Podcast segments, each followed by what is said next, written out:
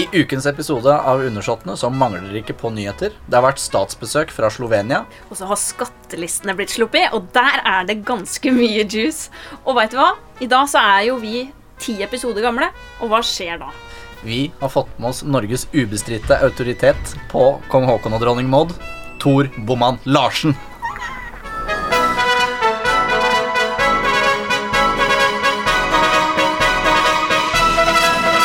Vi mangler jo en i dag, da. Vi Det- gjør jo det. Ja, Vår alles kjære Jørgen. ja Hydraen har blitt høgd hua. Da skal det jo i grunnen egentlig vokse ut to til. Men uh, vi, han er jo ute. Uh, og på Ute noe og kjører, sier Ja. Nei, det er ikke så ille. Men han var opptatt med noe annet. Med noe jobb, var det vel? Det var vel det. Og da var jo jeg så heldig at jeg fikk lov til å komme tilbake, og det Ja. er jeg så glad for. Ja. Og du kan nok hende at du får bli med sjøl når han er her òg. Det hadde jeg også satt pris på. Så har det vært eh, statsbesøk eh, fra Slovenia, Dina. Jaså, jaså, Ja. er det det? Og jeg er jo så sær at jeg labber jo ned på Slottsplassen jeg vet jo når det er sånne ting. Ja, det er vel ikke noe nytt, men Nei. eh, Og det var Det er jo høytidelig når det var presidenten da, fra Slovenia. Nå husker jeg jo ikke navnet på han, selvfølgelig. Ja, for de har ikke kongelig. Sånn Nei, de har ikke kongelig. ja, det greit. greit Og det var jo et, kall det et gjenbesøk fra et statsbesøk som kongen og dronningen var på i 2011. Da med en annen president, da. Um, Men hva er det de egentlig gjør da? Er det litt sånn bare for å si hei, dette er Norge ja, på en måte så er det litt sånn for Selvfølgelig så bor det jo slovenere i Norge. Eh, Så det var jo stilt opp en god del eh, slovenere der fra et sånt selskap eller sånt forbund for slovenere i Norge. Som da fikk hilse på presidenten, og det var en hel barnehage som var der. full av slovenske barn, eller? Ja, jeg veit ikke. Det, det, jeg tror ikke det var det. Men eh, det, det som var veldig fint, var det at både presidenten og Hans Majestet tok seg tid til å gå bort til ungene og liksom håndhilse på dem og alt sånn. Eh, og så var det en sånn veldig fin greie som det hendte liksom det Det skjer liksom aldri med oss voksne. At Nei, at der det- har jeg stått så mange ganger og venta. Har ikke hilst på noen av dem. Nei, det er det jeg også tenker. Du står der pent og pyntelig, og det, Ja. det gidder ikke å påspandere seg med en litt sånn snørrete fyr i, i refleksvest. Det Ja. skal vi gå bort og påspandere oss litt håndhilsing Ja. liksom. Men så var det jo da selvfølgelig noen som ikke uh, fikk hilst på kongen og presidenten. da Men da snek jo kronprinsen seg bort til dem og sto i hvert fall fem minutter etter kongen og presidenten hadde gått, og håndhilste da på resten. Og det syns jeg var en sånn veldig fin greie, da. Når de først hadde kommet dit. Ja, ja, ja. Absolutt. Men du, det er jo skjedd litt andre ting denne uka her, altså. Det har jo det. Det har jo kommet noen eh, såkalte skattelister eh, ut eh, Ja, det nå. er jo ikke annet på nettet nå. Nei, og det er jo det som er så gøy, for det er jo noen i kongefamilien som er litt skattepliktige, vet du. Og er det det? Ja, det er jo det. Vi har jo eh, Märtha, og der er det jo litt sånn interessant juice som har kommet. Ja. Og det er jo det at hun har vært litt slepphendt med, med pengene sine i det siste. Det er ikke så fryktelig mye, mye å hente der, eller så veldig mye inntekt, da. Tjente ikke så mye på sjamanen og prinsessen allikevel. Nei, og så var det jo nå at uh, Engleskolen den ble jo lagt ned i fjor. Ja.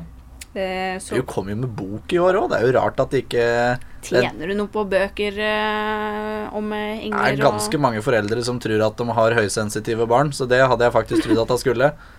Hvem veit, men i hvert fall så ser det ut til at det, det, pengene de eh, vokser ikke på trær for eh, Märtha akkurat Nei. nå.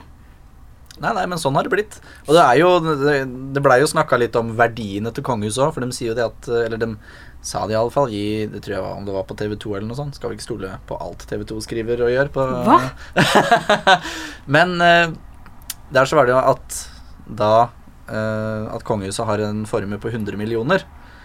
Men eh, så sa Anders Johan Stavseng, han som er kongehusekspert for Se og Hør, at da kong Olav arvet penger av sin mor, så var jo det verdier som i dag ville vært halvannen milliard kroner.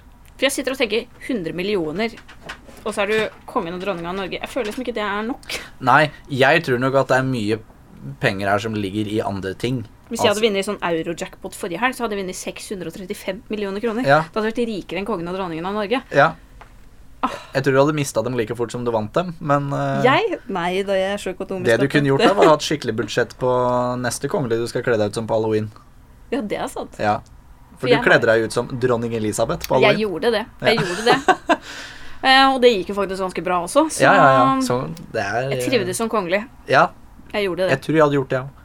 Men i alle fall da, det blei da prata om det at for det første så arva dronning Maud så så mange tusen pund da dronning Victoria døde, og så arva så så mye da da mm, Edvard den syvende døde, faren, da. Det jeg syns var litt interessant, var det at Anders Johan Stavseng Han sa det at dronning Maud var datter av George den femte. Opptil flere ganger! I løpet av det, det mm, ett og et halvt minuttet det var, så jeg satt jo og reiv meg i håret. Jaha, jaha. Men sånn kan det gå. Sånn kan det gå. Og da kan vi vel egentlig bare labbe over på segmentet med vår ærbødige gjest. Det kan du jo, og jeg gleder meg. Det gjør jeg òg.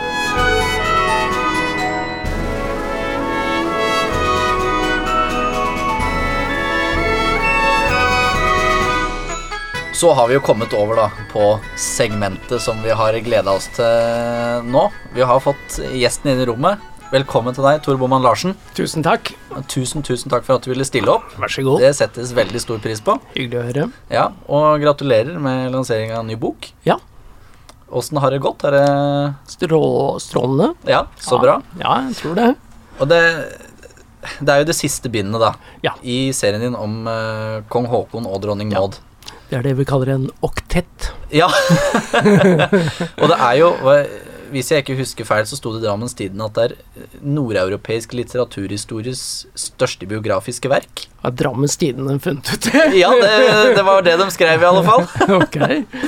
Ja, du, sånt blir jo litt gjetting, men, Ja. men det er ikke lett å finne noe større, for å si det sånn. Nei, det er jo uh, jeg som har lest det er på det femte bindet, så Ærlig.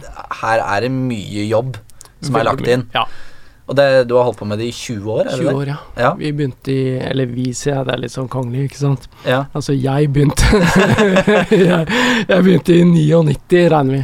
Ja. 19, altså forrige årtusen. ja. Året etter jeg ble født. Sier du det? Er du så ung? ja, jeg er så Imponerende. Ja. Eh, hvor er det den uh, Hvordan kom du på ideen om, uh, om å skrive om det? Eh, Jo, ideen er til og med et år eller to eldre enn det. Ja, Det er at jeg Nå har jeg skrevet historie før, og biografier og sånn, så, så det var ikke liksom Ja. Jeg begynte ikke å skrive Nei, nei, nei, det var med. Roald Amundsen og Blant annet, ja. Eh, men så kom jeg over um, Kjell Arnljot Vik, salig. Han er jo borte for lengst. ja, Han utga memoarene, liksom, eller en sånn uh, biografiaktig bok om kong Olav. ja. Den kom i 72, tror jeg, altså lenge før du var født. hvor kong Olav forteller løst og fast. Og så sier han ja, og faren min skrev dagbøker. Oi, tenkte jeg. Skrev han dagbøker? Det har jeg aldri hørt om. Eh, jo, og de ligger her på Slottet, og her kommer de til å ligge. Og da var det jo gått eh, 20-30 år siden det. Og, og, og ingen historiker har noen gang referert i dagbøkene. Så tenkte jeg, men pokker, de må jo eksistere. Eh, og da Det du trenger for å skrive, skrive Nå tenkte ikke jeg å skrive åtte bind, da. Vi tenkte på ett eller to bind hadde vi planlagt. Men for i det hele tatt å skrive en biografi, så trenger du en ny kilde. Som er svær og Mm. viktig. ja. Og dagbøker er det beste du kan tenke deg. Nest beste er brev, dagbok er topp. Og statsoverhodets dagbøker Han var jo konge i 50 år, ikke sant? Eh, så kunne vi få tak i dem, så har vi gull. Eh, så når jeg skjønte det, eh, så bestemte jeg meg egentlig. Før jeg hadde sett dagbøkene, men jeg visste at de eksisterte. Og da gikk jeg ut og sa ja, den boken skal jeg skrive. Og det er jo ikke bare kong Haakons dagbøker du har lest lest i. Det er jo mange flere. Og jeg må jo si det, bare jeg åpner forordet i bøkene dine, så er det jo en form for æresfrykt for deg, som det føles når du takker fire statsoverhoder for å ha kommet inn i arkivene deres og sånn. Det er jo må, Hvordan føltes det å på en måte få den Adgang. Ja, adgang og den ja. Nei, det er en lang Dette er Vi snakker ikke her om et forfatterskap, men om uh, diplomati Ja. på høyt nivå. Eh, Så det, det er en veldig lang uh, prosess, det er dårlig ord, men, eh, men la gå allikevel, for å, for å få statsoverhodene i tale, da, kan du si. Så du må gå mange runder, og mange veier, og mange kontakter må du ha. Eh, og så, når du først får adgang hos kongen, så henger jo kongehusene sammen. Ja. Dette kan jo dere i denne eh, sendingen her. Sånn at har din konge sagt ja, altså kongen av Norge, så åpner dørene seg eh, som et korthus, holdt jeg på å si, domino, eh, i de andre europeiske kongehusene. For de har jo kontakt seg imellom. Og da ble det danske arkivet åpnet, det svenske kongearkivet, Windsor Castles uh, kongearkiv i England, osv. Og så de republikkene er mye greiere, da. Men når så mye åpner seg for deg, altså, Ja. hva, hva tenker du da? Hvor, hvor begynner man? Altså, hva, hvordan var den prosessen der? Jo, altså du begynner der hvor døren er åpen, kan du si. Så jeg eh, Det tok jo veldig Det var en veldig møysommelig Det første jeg gjorde, var egentlig å dra til Danmark. eh, og gå løs på eh, Det kongelige bibliotek. Altså ikke de kongelige arkivene. Kong, kong, konge blir overalt her. Men altså det, det er mer sånn Nasjonalbiblioteket i, i Oslo. Eh, og der eh, det var, jeg lurer på om dette var i 99 eller 2000. Ja. Hva var det du fant der? Mm? Hva fant du der? Jo, plutselig så kom jeg inn der, og så For da hadde jeg liksom gått litt fra dør til dør ute der hvor uh, for, for jeg hadde jo lest meg opp på, på hvilke fami, familier kongehuset hadde kontakt med før det ble konge. Før, altså Kongen av Norge er jo egentlig dansk. Så, så jeg prøvde å spore opp ting der, og så gikk jeg inn på, den, eh, på Det kongelige bibliotek, det som er Den sorte diamant, ikke sant. Og spør etter prins Carl, som han opprinnelig het. Har dere noe på det? Nja, ikke så mye. Men for en uke siden så kom det en kar med en bærepose, en plastikkpose, med 1000 sider.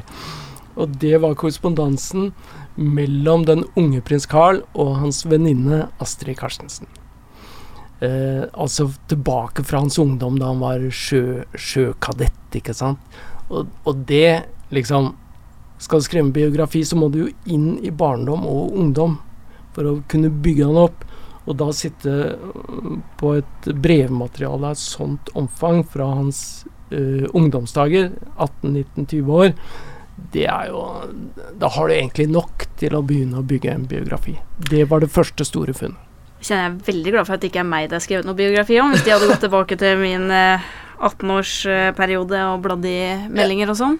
Ja, så, sånn er det. Det er ikke noe glupere enn du hadde vært, holdt jeg på å si. Altså, det er, ja, altså, det er øh, øh, altså, Det er det kongelige elementet her, da. Men hun, Astrid Karstensen, Karstensen, eller Tulle, da, som hun ble kalt, hun, hun var jo borgerlig. Så hun var øh, sønn Nei, unnskyld, datter av Datter av, av øh, sjefen for øh, sjøoffiserskolen hvor han, han gikk, da. Hennes brev eh, hadde jeg for øvrig ikke, ka- han kaster jo alle brev. Men hun tok vare på det. Og det er, det er jo å kalle det det første som bøkene dine begynner med. Holdt jeg på å si. Og du, Ja. tar jo, du går jo enda ja, lenger tilbake i starten, Ja. for du tar jo med Ja. deg Europas svigerfar, og begynner Ja, litt ja. der òg også. Ja. Uh, og det For meg som er kongehusinteressert, holdt jeg på å si, så, og Dina er jo det, men jeg er mer på historisk lenger bak, da, så uh, likte jeg veldig godt den delen. Ja, men Det er hyggelig, for uh, det er mange som har slitt med den delen. Ja. Fordi den er, er på en måte mest kompleks, hvor jeg Mm. bygger opp hele familiebakgrunnen. Ja. Og alle kongehusene som de er i familie med, alt det der. Opp mot, uh, mot Bismarck, egentlig, som er motspilleren. Og det tyske kongehuset. Så, så der er mange personer. Men eh, for den som er interessert, så er jeg enig med deg. Og det var jo det som gjorde meg helt uh, svimmel da når jeg kom fant unik korrespondanse der. Og det var jo nettopp når jeg også kom inn i det danske kongehusets kongelige arkiver. Og der hadde ingen vært. Så jeg hadde jo den fantastiske opplevelsen å sitte i Det er jo Dette ligger i Kristiansborg, det svære slottet. Der ligger det danske riksarkivet. Og så Jeg hadde vært der noen dager, så kommer arkivaren bort til meg og sier unnskyld, men jeg må nesten gjøre deg oppmerksom på at når du nå går inn i Fredrik den åttendes arkiv, så er du den første. Så å være den første, og jeg som nordmann, da, ikke sant eh, Ingen dansk historiker hadde gått inn i det arkivet. Det er jo en svimlende følelse. Det er altså faren til kong Haakon vi snakker om nå. Selvfølgelig. ja Mm. Det må Du har jo fått en enorm tiltro av uh, de kongelige. Ja, eh, det kan du si, fordi var mange danske historikere som nær sagt tenkte det er ikke noe vits i å søke engang, for vi får bare avslag. Uh, men det har også vært litt sånn at historikere ikke har vært nok opptatt av kongehuset som en politisk faktor. Da. De har liksom ikke giddet å banke på der, de har mer gått til til eh, statsministre og regjering og alt det der, istedenfor å kretse rundt kongehuset. Så, så det er nok også litt en unnlatelsessynd i historiske miljøer, ikke bare hos oss, men f.eks. da i Danmark, hvor kongehuset jo har vært ekstremt viktig, egentlig. Ja, og når du har kommet inn i arkivene, og du får lese brev, dagbøker, Mm.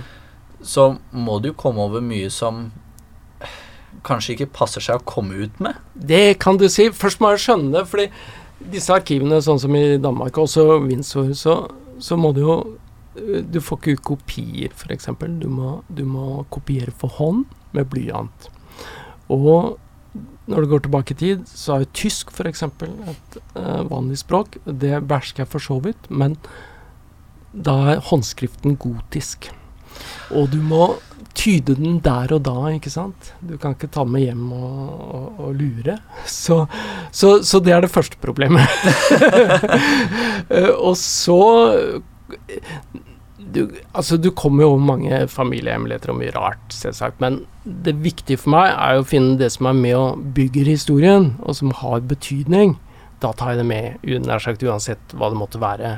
For, eh, men, men alt som liksom blir på siden, og som ikke, ikke er med å fortelle min historie, det utelater jeg. Så det er det som er kriteriet, egentlig.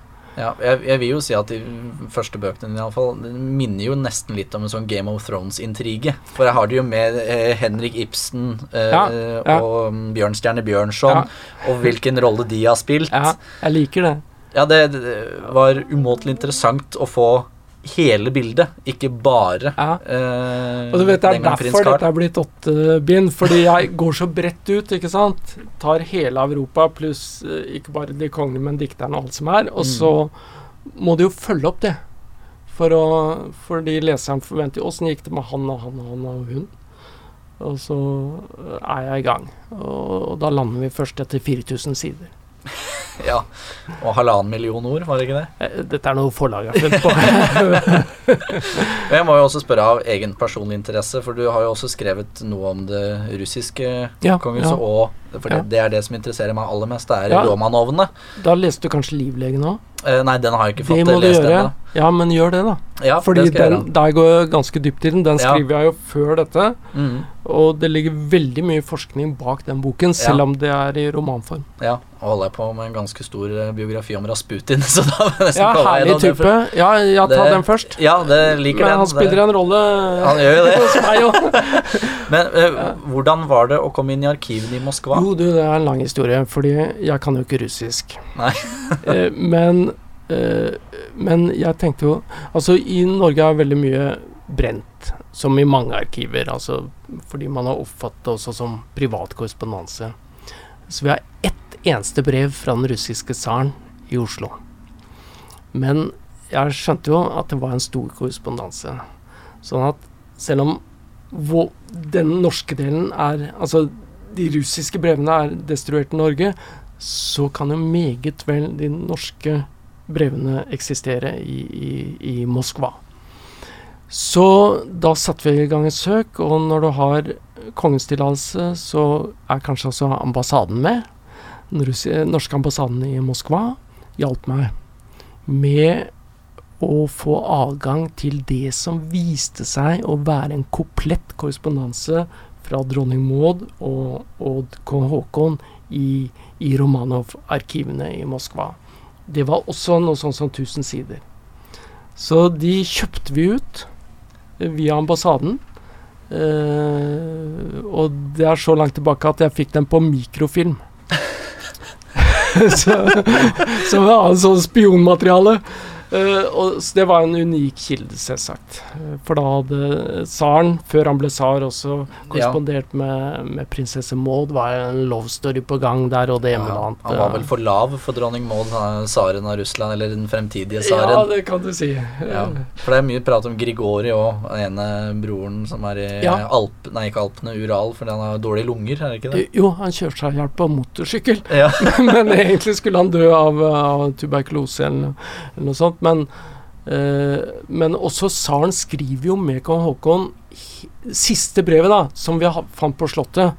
Eh, og, og grunnen til at det ikke var destruert, er antagelig at jeg tror kongen ødela brevene etter hvert. Men han svarte på dem, og så ødela han dem. For å uh, ikke Slette alle spor. Ikke sant? Altså, Ja. Men, men det siste brevet, da kom jo revolusjonen. Så han fikk aldri svart på det. Og når du leser det brevet, så ser du Skriver tsaren ja, det er litt uro her nå, dårlig vær og veldig kaldt, og, og folk eh, trenger brød, liksom. Så du aner at revolusjonen er i ferd med å trappe seg opp mens han sitter og skriver.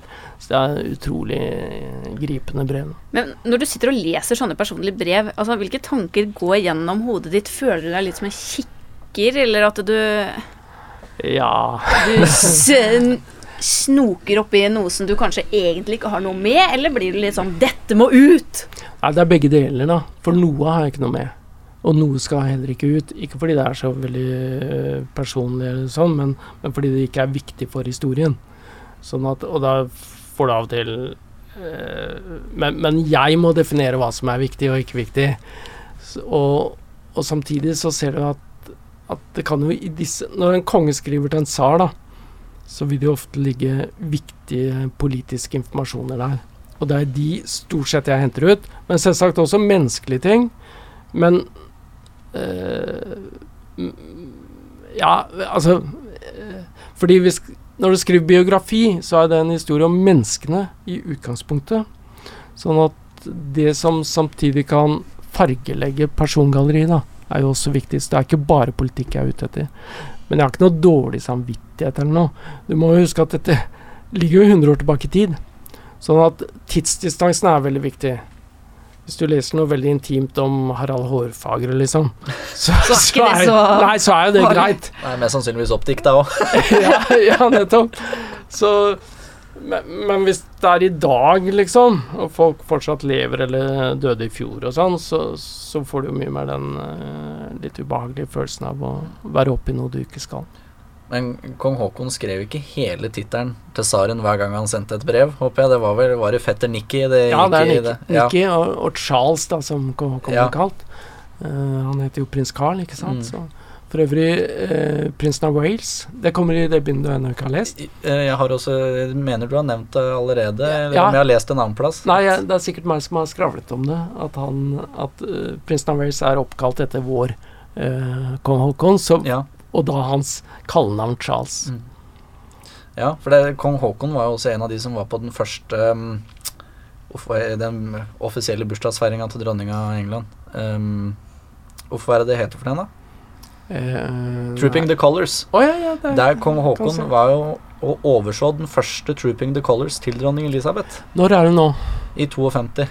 Ja, altså Mener jeg, eller i en uh, biografi om dronning Elisabeth. For Ja, der også nevnes det at uh, Charles er oppkalt etter Det nevnes der, Ja. ja. Så der, der ser du jo litt av den linken mellom oss som det blir nevnt i Konge og dronning i 25 år, den eh, serien som gikk på NRK. Ja. Eh, så sies det også at dronning Elisabeth var veldig glad i å stille Olav-spørsmål når det gjaldt eh, ting som måtte Eller som Ja. man trengte hjelp med, da. Og du var vel Ja. med og Jeg var i den serien, ja. Ja. Eh, ja, ja. Men eh, litt sånn En ting som du tar opp i en av bøkene, og som jeg syns var veldig interessant, da, er jo dette Mm. med eh, kong Olav og uh, hvem som er faren. Å ja, skal vi dit, ja. Det, for for det, det, det Du sier jo ikke at han ikke er det, men du sier at det ble gjort At det kanskje måtte noe hjelp til for å få det til. Ja. Og uh, da du kom over det kilde, kildegrunnlaget, som kall det impliserte det, da, Mm. uh, følte du da på en litt sånn Er dette noe jeg egentlig kan ta med? Ettersom det er faren til den nåværende, det nåværende statsoverhodet ditt? Ja, du kan si at det er litt rart med Jeg liker jo det med tidsavstand. Ja. Tre generasjoner er bra, liksom. Ja. For da ligger ting tilbake i tid. Men akkurat når det gjelder spørsmål om farskap og slektskap, så går jo det opp i vår tid. eh, så å si langs blods, blodslinjen, da. Så, så det kompliserer det jo, kan du si. Altså, på den annen side Skriver du en biografi, så har du først påtatt deg det, så må du skrive den. Og så må du ta det når det kommer. Men du tenkte vel kanskje at eh, når du kommer over noe så saftig stoff, som jeg vil kalle det, Ja. da må du kanskje være beredt på at det, da blir det litt uh, furore. Ja, ja. Det visste du kanskje Ja da, da du det, det skjønte jeg. Det kom vel ikke som noe sjokk? Nei, det, det ble voldsomt, og, og det var forventet, det som kom, egentlig. Men har vi noen tanker om hvem, hvem dette her kan være, da? Det var vel eh, sønnen til den britiske livlegen? Nei, ikke det? sønnen, men livlegen selv. Ja, livlegen Ja. selv, ja. Francis Lake Eh, King? ja. Nei, jo. Ja, Uh, men uh, bill, øh, det er mange som har rotet litt der, fordi bildet vi en ga, var av sønnen. Ja, det var som det, hadde den det sterke det likheten. Ja, Men han var på Malta, ja, ikke sant? så han var nok ikke Ja, men jeg vil jo si akkurat den delen av boken var jo et eh, mesterstykke i skriveferdighet. Å Mm. få gjøre den eh, veldig respektabel, da. hyggelig at du sier det, fordi eh, det er klart du Du må balansere og, og, og dokumentere, og ikke tøye det utover det du har, føler du har dekning for, da. Ja, og Da vi prata om hvilke spørsmål vi ville stille deg i dag, da, dette kom opp, så sammenligna jeg litt med Har, du sett serien The Crown? Eh, Jeg har sett noe av det, ja. Ja, for det der, er det en, ja. der diskuterer de utroskapet, eller det påståtte utroskapet til prins Philip. Ja. Og den fine måten de gjør det på, det Ja. synes jeg det er litt samme måte som du gjør det i, i boken. Gjør det veldig på en respektabel og ordentlig måte. Ja, vel å merke så er jo dette også et medisinsk inngrep, Ja, Uh, så det ligger jo hinsides uh, moral, egentlig. ja. Uh, men for meg så er jo ikke i og for seg svaret på denne problemstillingen det avgjørende. For, men for meg var det helt avgjørende å skrive om det. Fordi det er så viktig i et menneskeliv, eh, uansett om du er kongelig eller ikke, hvordan uh, du får ditt eneste barn. Eh, at hvis jeg gikk utenom det, og lot det ligge, så ville jeg på en måte slå bena under meg selv som troverdig bio biograf. Og temaet hadde jo vært behandlet mange ganger, men da med masse fantasihistorier om Fridtjof Nansen som faren osv. osv. Så, så jeg måtte gå inn i det, og, og jeg fant jo veldig mye dokumentasjon. Og så har jeg for så vidt latt den øh, saken ligge. Mm. Ja, for det, det var jo på den tiden spesielt at et mm, da mm, som ble et kongepar, bare hadde ett barn. Når du ser på alle de andre kongehusene, som da, sånn som tsaren av Russland, som til slutt hadde fem, og i England hvor det var flere. Mm. Så det er eh, men, men det var veldig, veldig bra skrevet. Godt, takk for det. Eh, og så har jo eh, Selvfølgelig må vi jo se litt på spørre om andre ting. Har, har du kommet over noe som du tenkte Dette kan jeg ikke ta med, for dette sømmer seg ikke? Nei. Nei. Uh, nei. Uh, nei. Jeg tror jeg må si nei til det, fordi um, Er det noe du bare sier, eller Nei, nei, nei, uh, nei. Vil sitter sitte og holde for, for deg sjøl? For vi er veldig nysgjerrige, vi, altså. jo, fordi det er klart at uh, Det er jo derfor de tre generasjonene er så viktige. Ja. At jeg føler da har jeg egentlig frihet. Fordi distansen er så lang. Du kan si Skrive om um, du, du kan ikke skrive hva du vil om levende mennesker. Og jeg har også veldig respekt for neste generasjon. Altså du, eh, hvis jeg skriver noe om foreldrene til mm, barn som fortsatt lever, så er det også veldig nært. Men når vi kommer i tredje generasjon, vi snakker om barnebarn, da, så mener jeg ok, da, da får vi ta sannheten. da, da er vi kommet så langt. Så derfor eh, så, så tør jeg svare eh, benektende på det at jeg ikke har gjort det. Mm, Holdt noe utenfor. mm, Bortsett fra masse uvesentligheter. selvfølgelig. Eh, Men hvis noe liksom er viktig i disse menneskenes historie, så er det med. Mm. Og så eh, Vi la ut en eh, litt hintende eh, post på Facebook angående hvem vi skulle få som okay, gjest. ok, Eh, med eh, da et bilde av Håkon og Maud, selvfølgelig, at vi gjerne ville ha spørsmål Ja. om det. Ja. Og eh, mye av Kall det tyngden av spørsmålene ligger Ja. da på dronning Maud. Jaha. På henne som person. Eh, og gjerne litt mer enn uh, at hun bare var sjenert og ikke likte Norge, men Ja. hva var det som Ja, hvordan skal jeg formulere det? Hvordan, uh, hvordan har du oppfatta dronning Maud i, i det arbeidet du har gjort? Ja, det må først sies at hun dør i femte bind, da. Ja, det, det er bare å lese seg gjennom. ja, så de tre siste bindene er hun jo ikke med. Nei. Um, men hun er veldig viktig, og det er jo først og fremst politisk, da. Ikke menneskelig, men når Norge skulle velge kongepar, så er det å få datteren til kongen av England på Norges trone det, og, og da var jo England ikke sånn brexit-aktig som det er nå, men det var jo det britiske imperium eh, som liksom omsluttet hele verden. Det var en større makt enn USA eller, eh, eller Russland til og med, kanskje. Eh, Det var dronning Maud Unnskyld, prinsesse Maud de gikk etter. Mm. Så det var derfor de pekte på dem, og sånn sett var hun den viktigste i det paret, for å velge dem. Dertil hadde hun jo født en sønn. Men så blir hun kronet i Nidaros året etter, og etter det så gjør hun ikke, ikke altfor mye. Eh, Da fortsetter hun å være britisk prinsesse. Altså hun og er jo veldig mye i England. Og det er en betingelse for å komme hit at hun pga. sin dårlige helse får reise til England hvert eneste år og oppholde seg der, blir, blir det sagt da. Så hun, hun blir på mange måter Mens prins Carl da, han endrer seg veldig. Fordi han tar det der med å bli konge Oi, det, det, det tar han veldig alvorlig. Mens hun insisterer liksom på at som, som britisk prinsesse så, så bestemmer hun selv hva hun skal og ikke skal. Så hun forblir litt den samme, da. Hun er jo litt sånn Det er en eller annen hoffmann som sier at hun øh, Hun er som en jentunge. Altså hun selv opp i ganske høy alder Eh, Hennes hovedinteresse er å danse. Det kan jo eldre mennesker også godt gjøre. og, og, og på en måte ah, Ja, det Ha det hyggelig, da.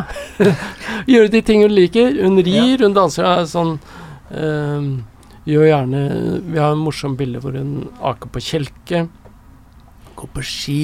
Altså dyrker en masse Masse sånne sportslige ting, og, og selskapelige ting. Gjerne hvis det er britiske offiserer på, på besøk. Hun flyr jo også, i motsetning til Haakon. Han, han går jo aldri opp i et fly i hele sitt liv. Men det gjør hun allerede sånn rundt 1920. Så hun er um, Hun var nok en veldig sånn sjarmerende og morsom uh, figur. Tror jeg. Jeg har aldri møtt henne, for jeg har ikke noe lydopptak av henne, f.eks. Men det sies at hun hadde en litt sånn dyp stemme. Eh, så hun er veldig privat. Hun betyr veldig mye for kongen. Eh, så de har et ganske intimt, nært forhold. Det er ikke sånn distansert. Eh, men hennes rolle da i norsk politikk, for å si det på den måten, den er ikke så viktig når vi kommer oppover i årene. Og hun reiser jo mer og mer til England.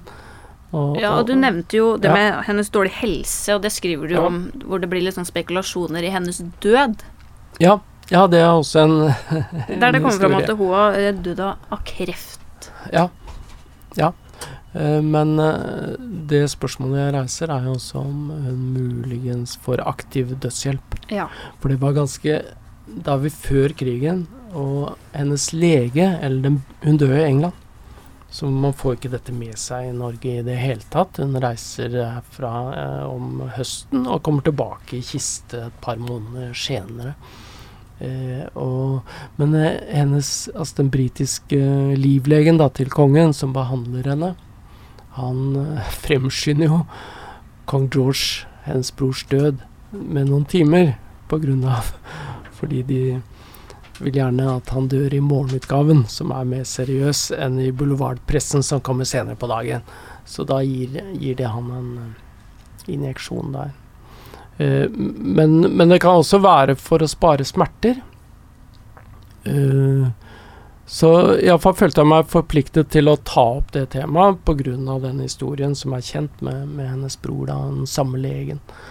Eh, Det er for så vidt ikke så avgjørende, men at hun døde av kreft, ble faktisk først opplyst av kong Olav, tror jeg, i, i, på 1980-tallet. Hva er grunnen til det, tror du? At kreft var et tabu.